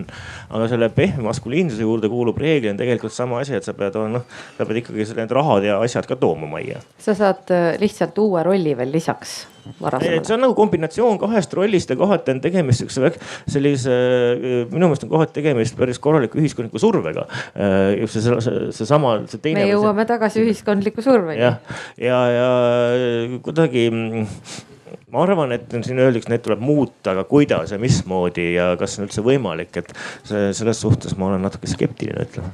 et, et sinu väitest nagu, kas sa mõtled, et keegi ei saa olla harvesteri juht ja ehitaja samal ajal hooliv isa? Äh, kindlasti on siuksed olemas, äh, aga, aga ma mõtlen selle asja nagu teist poolt, et, et äh, sa ei pruugi olla harvesteri juht. sa võid olla ka see tegelane, kes istub noh hipster kohvikus oma läppariga ja teeb tööd ja, ja, ja sa ei pea tõesti käima ringi ja siin kirvega muid maha raiuma ja reeglina ei oska sellise isa lapsed ka kirvest käes hoida. aga see ei võta sinult tegelikult sellist ühiskondlikku kohustust selle oma, selle sojapiimaga latet juues äh, tegelikult äh, ehitada üles maja. Äh, et, et oleks auto, et oleks võimalus töö, noh puhku, puhkamas käia, et ütleme, see kohustuse pool jääb kuskil alles.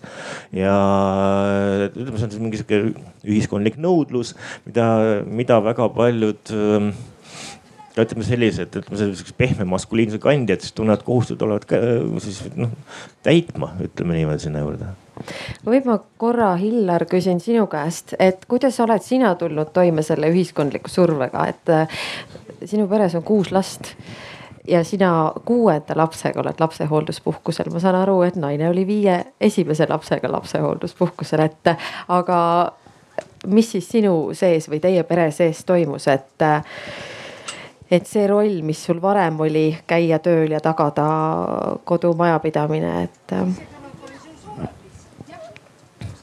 no see on selline, ongi nagu pikaajaline, kuidas öelda, ka see isaks saamine on, on võtnud ka nagu aega, aega ka mul endal ja, ja ka nagu peres, et võib öelda, et ma olen järjest rohkem olnud võib-olla iga lapsega nii, et, et olen aru saanud, et see aeg, mis ma sinna temaga tegelemisse panen, on nagu noh, nii pere kui lapse seisukohalt äh, nagu igatpidi kasulik ja, ja tegelikult nagu eelmise kahe lapsega ma olen olnud niimoodi, et ma olen umbes aasta aega olnud sihuke poole kohaga võib-olla tööl tegelikult, et ma olen ikkagi päris palju olnud ka kodus.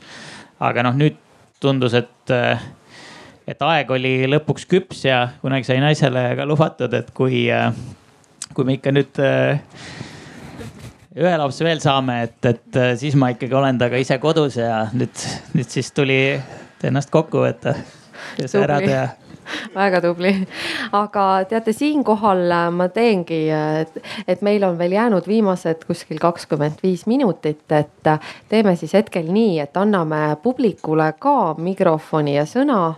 et kui kellelgi on tekkinud selle meie praeguse arutelu käigu tagasisideks mingeid küsimusi, et kust ma saan mikrofoni. see on sees jah, sisse lülitatud mm. -hmm üks hetk, et annan korra teile ja kui on nime vaja küsida või oskate? okei okay,, nime vist ei ole vaja, et olen siin kuulamas seda arutelu siis ka ühe võrdlemisi noore naisena, kes ei ole veel ühtegi last saanud, aga minu arust nagu natukene kajab üle seda, et, et kuidagi siin enne toodi ka välja, et ma olin siis aasta aega kodus ja mul juba teisel või kolmandal kuul oli see tunne, et ma tahan midagi teha või et mul on vähe sellest, et kui ma olen siin kodus ja nüüd see, nüüd üks eelviimaseid kõnelejaid tõi välja, et, et ikkagi, et mees peab olema kuidagi, et see, see, et tal peab ikkagi, et ta võib olla küll see, et, et sa pead rohkem olema lastega koos, aga ei tohi katkeda nagu see, et sa oled peres see leiva lauale tooja.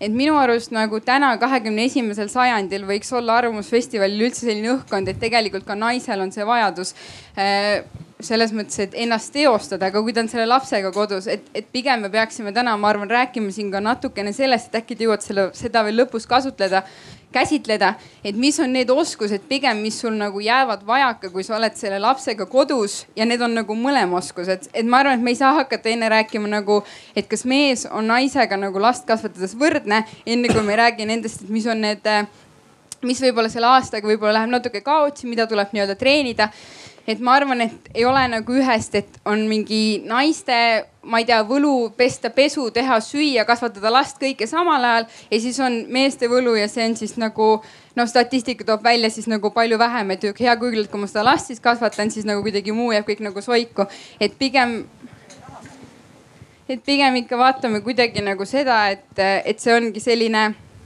väärtushinnang, et kuidas ma mõistan seda, et, et kui, kui mina jään oma lapsega kodu, siis mu mees mõistab, et see on ka minu nagu ajast, okei okay,, me saame mõlemad ühise hüvangu nimel kasvatame seda last, eks aga et, aga et mis minu võib-olla skill'id nagu, mida ma võib-olla tahaksin täiendada või mis iganes ja kui tema on kodus, siis mina arvestan nendega, ehk siis sihuke kahepoolne mõistmine, ma saan aru, seda natuke on siin läbi käinud, aga siiski ma ütlen noore naise äh, tulevase ema jaoks veits vähe aitäh. ja oot, Anna, ole kena, selja taha mikrofon. teeme palun siiapoole, siis niimoodi, et kaamerasse ka jääks, et kui keegi tahab tulla, siis ikkagi kaamerasse. jah. nii, aga teeme palun lühidalt, kohe tuleb küsija. ja tuleb kohe kuri küsija, aga. tulge siiapoole kõrvale palun, nii väga-väga head teemad on tegelikult, aga teile kui korraldajatele on üks märkus. vabandust, te olete kaamera ees, et. ma ei taha, et ma kaameras olen siia, et väga tore, et kui te mhm. kõik ükshaaval räägite, siis, siis andke palun ka võimalus saali poole pöörduda, muidu me oleme lihtsalt niisugused positiivsed kuulajad. meil on võib mõned märkused, võib-olla no mida iganes. väga pikalt mul on mhm. midagi lausa meelest ära läinud, aga ma hakkan lõpust peale.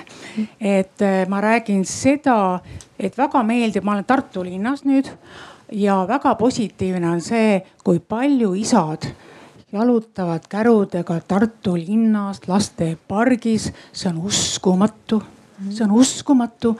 mina olen sündinud tuhat üheksasada nelikümmend üheksa, tuhat üheksasada nelikümmend kuus äh, väga raskel ajal, kus me pidime vaatama, kas me planeerime lapsi, sest lapsed sünnivad ju armastusest. aga tänapäeval on mul küll olnud nüüd mitmeid aastaid niisugune tunne, kui maal ei ole tööd mm -hmm. sünnivad lapsed, isad, isasid ei ole ja lapsed on justkui elatusvahendid, mhm. andke andeks. ei, väga andke aitäh andeks. teile tagasiside eest, aga kas teil on ka mingeid küsimusi kellelegi paneelis osalejatele, sest ei siis me läheme.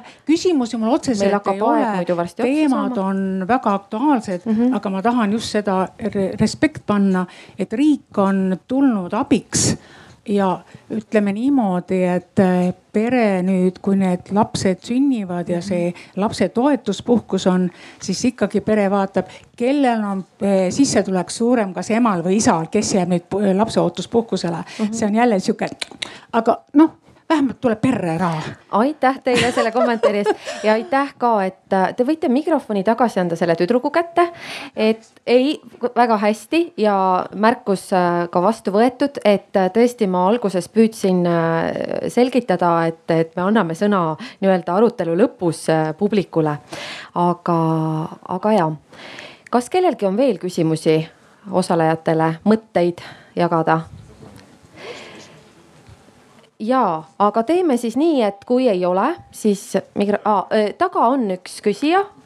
aga tulge palun ettepoole ja siis me näeme ka, kes küsib, et tulge kohe täitsa siia ette, et te saate siis. ja tere kõik näevad, kes küsib, ka need, kes vaatavad Või. ekraanidel ja. nii ähm,, mul on jälle selline ka tähelepanek, et ähm, ma saan väga hästi aru sellest survest, ma olen teiega väga nõus sellest, et äh, just sellised soorollid, mis on praegusel momendil juba ette nähtud kuidagimoodi või see ühiskonna surve määrab väga palju.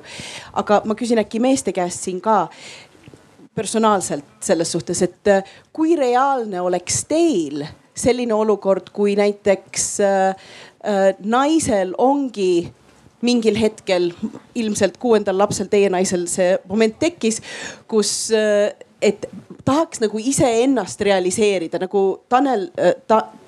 ja Tanel. Tanel ütles vahepeal, et et tal kolmandal kuul kohe tekkis sihuke tunne, et ta tahaks nagu juba midagi rohkemat teha.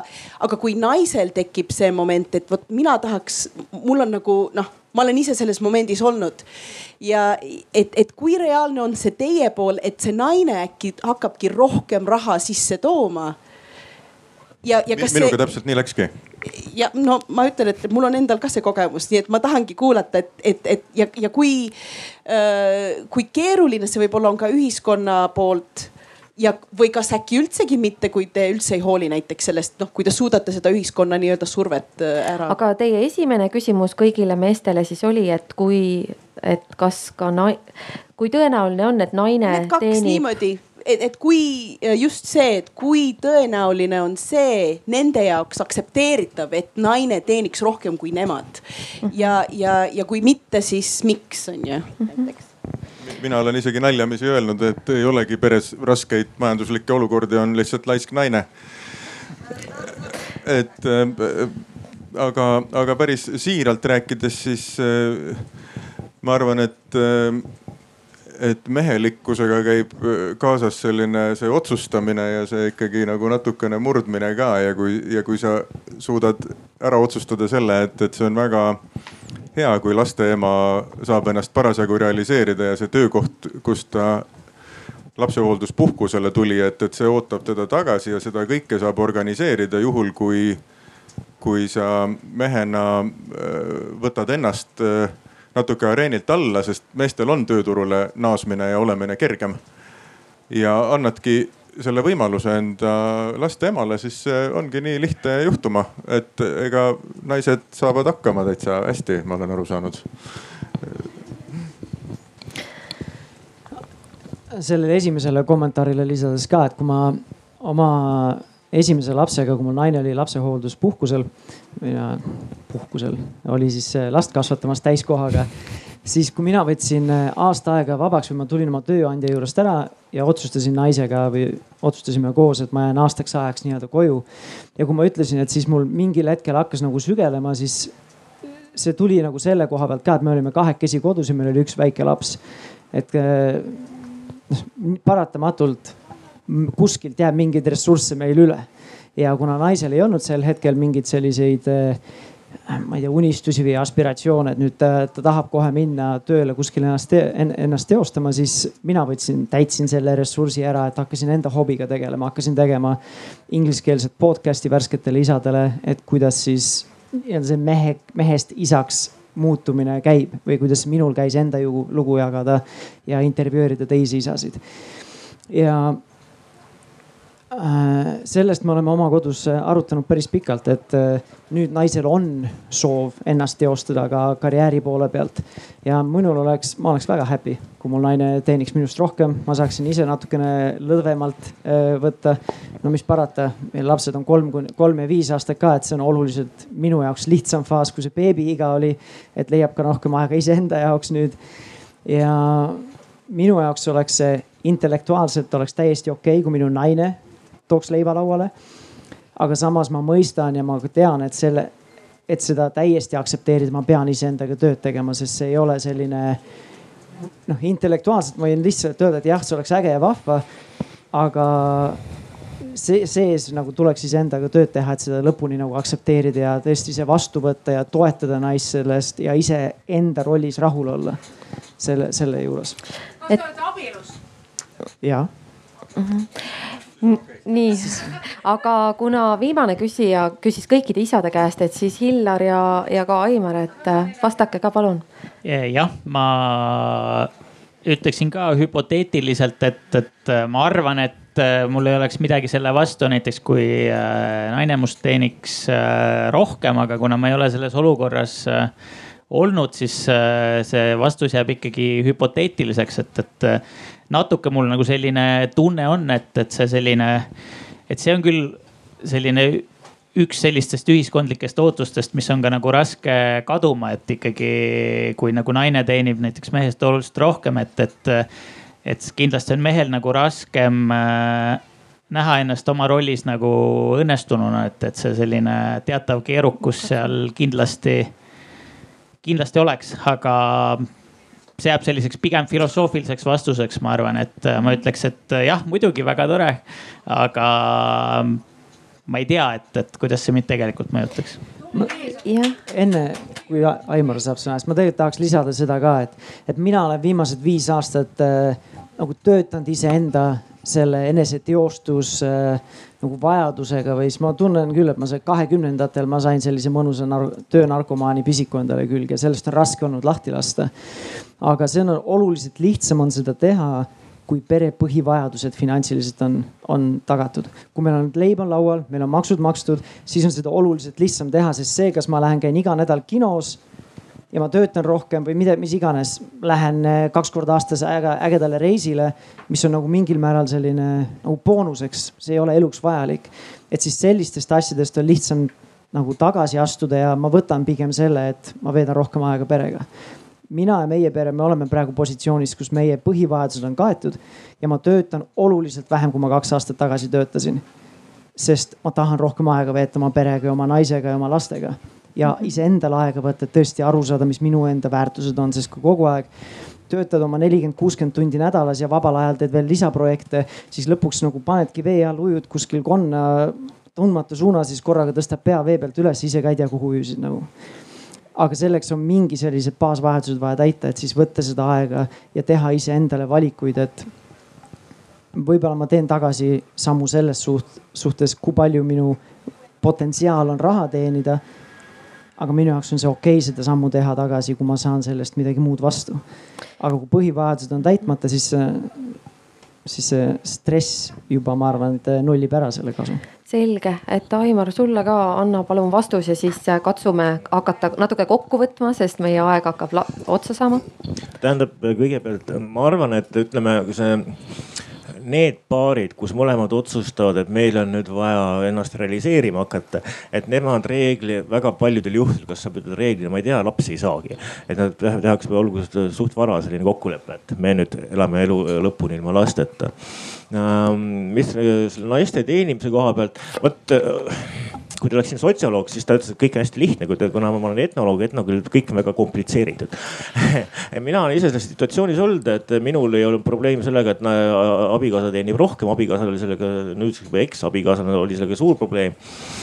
ja siin ongi üks selline huvitav faktor on see, et vot seesama see, see näh-, tähendab sama mõiste toksiline maskuliinsus minu elukogemus on näidanud uurijana, et äh, mulle see väljend iseenesest ei meeldi, aga äh, noh, ütleme sa ütleme, see ei ole nüüd päris niimoodi, et kuskil on mingid siuksed rõhu, rõhujatest mehed ja teisel pool on kannatajatest naised. vaid asi on selles, et reaalses elus, et paljudel juhtudel ütleme mingi osa naistest ka ütleme ähm, toetab siis ükskõik mida see toksiline maskuliinsus endast ei kujuta, ka finantsiline toksiline maskuliinsus. ja mul üks hea näide, mul on üks doktorant on, õpetas nii Tartu Ülikoolis kui ka Narva kolledžis ja tema kunagi tõstatas ka küsimuse, et mis te arvate, kumb siis peaks rohkem raha teenima peres. ja Eesti tudengite puhul, noh, see on, see oli ka sihuke anekdootlik nii-öelda käte tõstmine. enamik ütles, et see on täiesti poogen. Äh, samas kui Narva tudengid, kellest enamik on tüdrukud, ütles, et mees peab raudselt rohkem tootma, et noh, et see ei ole nagu päris nii lihtne, et eh, kellel on probleem, ei ole. vahest eh, väga paljudel juhtudel on ka ütleme naistel eh, probleemid sellega, millega nagu ei tohiks olla, eks mm. -hmm. aitäh, et äh, meil on veel natuke aega, üks hetk, palun. Äh, et ma lihtsalt äh, annan tagasiside teile mis ma siis sellest suurest pikast üle tunni ajasest endale mõned märksõnad lihtsalt välja noppisin. Ähm, aga ma tahan juba nagu kuulajatele öelda ka, et meie arutelu ei jää ainult siia arutlema, sellepärast et kuna ma töötan Lastekaitse Liidus, siis tänu ka oma tööle me saame positiivse vanemluse propageerimisega ja, ja nagu temaatika kajastamisega edasi minna ja ma loodan, et ka nende koos nende isadega, vähemalt osaliselt, kes siin istuvad. aga kuidas siis oleks võimalik äh, töö ja pereelu tasakaalu luua ja et ähm, mina võtsin ühe suure märksõna selle teostuse vastused jätan ma praegu küll lahtiseks, aga mulle väga meeldis äh, see, et äh, teha isadus edukuse aktiks, et kui näiteks võib-olla järgmisel põlvkonnal oleks see samasugune ähm, iseenesestmõistetav äh, asi nagu karjäär, raha ja see, et edukas mees on äh, kõrgepalgaline ametnik, siis äh, sama iseenesestmõistetav võiks ka olla, et edukas mees on isa aga siis veel, et äh, loomulikult, äh, kuidas siis eneseteostuse vajadust isa rolliga siduda. et leida mingid lahendused sellele, see oli oluline märksõna ning et loomulikult baasvajadused peavad olema täidetud nii emal-isal, enne kui, kui see harmoonia pereellu saadub, saabuda saab loomulikult. Ja, ja et kindlasti ühiskondlikult äh, ei ole ju pere ainult ema-isa, vaid on ka vanavanemad, ka naabrimees, treener kust iganes tuleb see isa roll ja, ja eeskuju mehelikkuse isaduse näol. et äh, katsume siis ühiskonnana nagu panustada ka rohkem ise aktiivsemad kodanikud olles. aga äh, ma küsiksin veel lõpetuseks siin äh, kõikide, kõikide osalejate käest sellise ähm, noh lolli küsimuse võib-olla, kui Palbo ütleb, või siis lihtsalt viieaastase küsimuse, et ütleme nii, et nüüd viie aasta pärast Eesti Vabariik äh, on oma perepoliitikas vastu võtnud seaduse, et äh, kuni ja annan kõigile minuti vastamiseks või seni, kuni meid siit välja visatakse.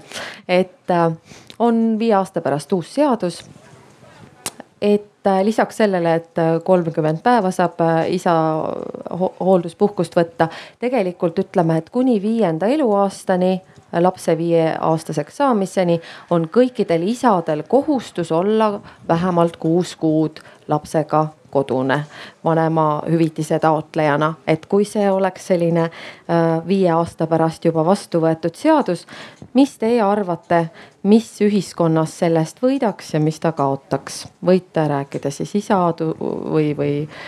hästi lühidalt, ja ütle korraga ja ja valmis. jah, Palbo, mis sina arvad, et kui see nüüd on kohustus igale mehele, see ei ole enam valik mina arvan, et äh, sellise jõuga kohustuse pealepanemine on alati väga suurt vastuseisu tekitav.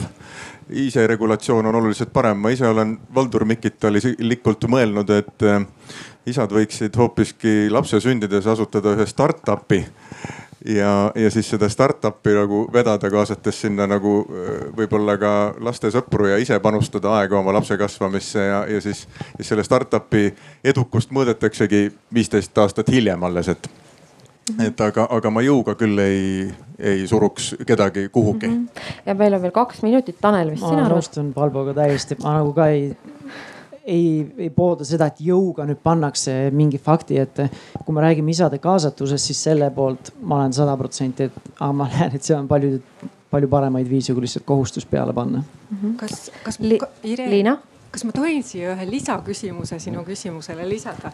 et mind väga huvitaks, et äh, mis vanuses te võtaksite lapse vanuses välja need kuus kuud isapuhkust sellisel puhul, sest see on minu arust, mis meil nüüd ei jäänud. ja ma saan aru, mina jagaks selle kuus kuud üleüldse nagu vanuseni üksteist, kaksteist lapse äh, vanuseni, sellepärast ongi startup, sihuke viieteistaastane startup ja siis viisteist aastat hiljem mõõdetakse seda edukust mm. -hmm aga Tanel, kui sina peaksid, eks ju, kuni viie eluaastat, kust see kuus kuud sul ma võtaks iga aasta kuus kuud siis juba.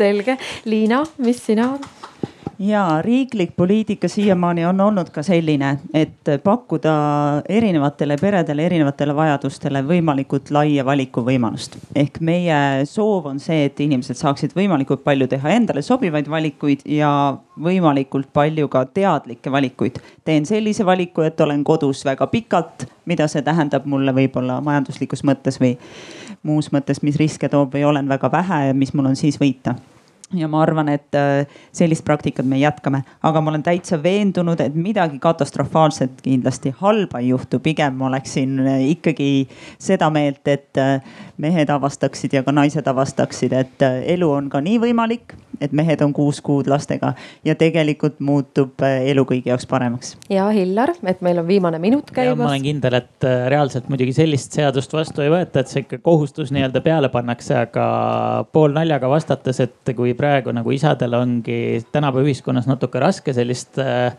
oma rolli siis leida, et mida, mida siis tegelikult nagu oodatakse, kui palju peaks tegelema pere ja lastega, kui palju karjääri või, või, või millegi muuga, et siis äh, see niimoodi naljaga öeldes noh, aitaks mingi asja jälle paremini nagu paika panna ja oleks isadel kindlasti stressi vähem ja võib-olla tuleks isegi pereelul kasuks. aga millal ma ise seda aega kasutaks ei tea, nii palju kui võimalik tähendab, kui selline seadus oleks olemas, seda suudetaks kuidagi ka ellu viia, siis võib-olla, mida see kaasa tooks, ähm, oleks äkki see, et oleks vähem üksikemasid.